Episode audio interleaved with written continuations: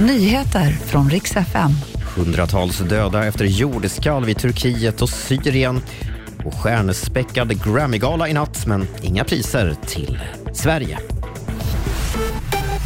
God morgon. Vi ska börja med det kraftiga jordskalv som inträffade i natt på gränsen mellan Turkiet och Syrien. I båda länderna har byggnader rasat samman och personer uppges sitta fast under rasmassorna.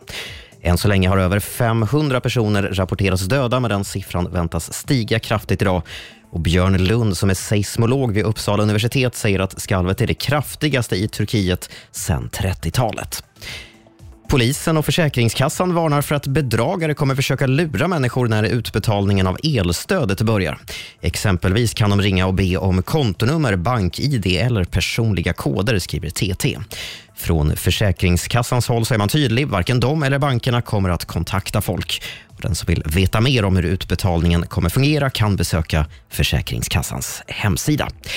Och så har det varit Grammy-gala i natt i Los Angeles. Alla var där, alla var skitsnygga, men hur man än vrider och vänder på det så blev det Beyoncés kväll. Efter att först ha fastnat i trafiken och blivit en timme sen till galan så kammade hon till slut hem fyra statyetter och är nu historisk som den artist som vunnit flest Grammys i historien, 32 stycken. ABBA var nominerade i fyra kategorier, men kammade hem noll tyvärr.